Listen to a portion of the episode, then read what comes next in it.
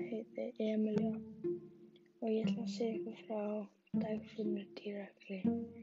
í Apalandi. Um, bókin er um dagfinn Dúa frá Pollabæ, eða Pollabæ í Englandi og bærin var nefndur út af um, þá er svo mikið af lækjum og pollum í bænum Þannig að já, það var kallað Pollabær. Og hann var fyrst bara þekktur læknir og byrjaði svo að læra dýramál og kundi svo að tala við dýrin og skildi dýrin. Og að þá fór hann að vera eða lækna dýr og, og hann var að hjálpa dýrum og, og hann hjálpaði bara alls konar dýrum og dýrin komið til hann frá öllum löndum og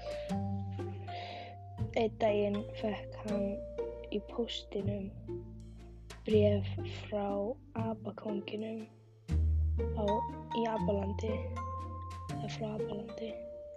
sem var að segja að hann þurfti hjálp og þá fór Dagfinnur með hestinum sem hann hefði verið að lækna. Út af hann var blind eða þú veist næstu blindur þurfti í gleru. Svo var hann að lækna páfagauk sem breytti vangin sinn. Og hann tók páfagöngin og hestin og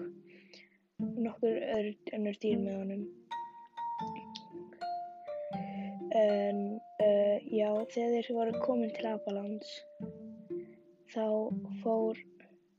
þá fóru þau til Abakongsins og þau voru tekin fanga af öpunum og svo var Polly Págugur sem kom um öllum út af því að hún uh, komst ekki, eða þú veist þau voru að leita henni og um, anna, svo komst þau út og þau fóru, veist þegar þau fóru anga fóru þau svona viðarskipi og það yðurlegaðist að þau klöstu á stein eða eitthvað svona tinn sem komist fór vatninu eða grjót hjá allana og þannig þau þurfti að gera við skipið og þau drífa sig svo að bóðhengurinn myndi ekki ná þeim áttur og þá fóru þau heim og mm, það er til fleiri bækur um dagfinn dýrleikni en um, svo var líka að koma bí, bíómynd í bíó um dagfinn dýrleikni og já um, takk fyrir mig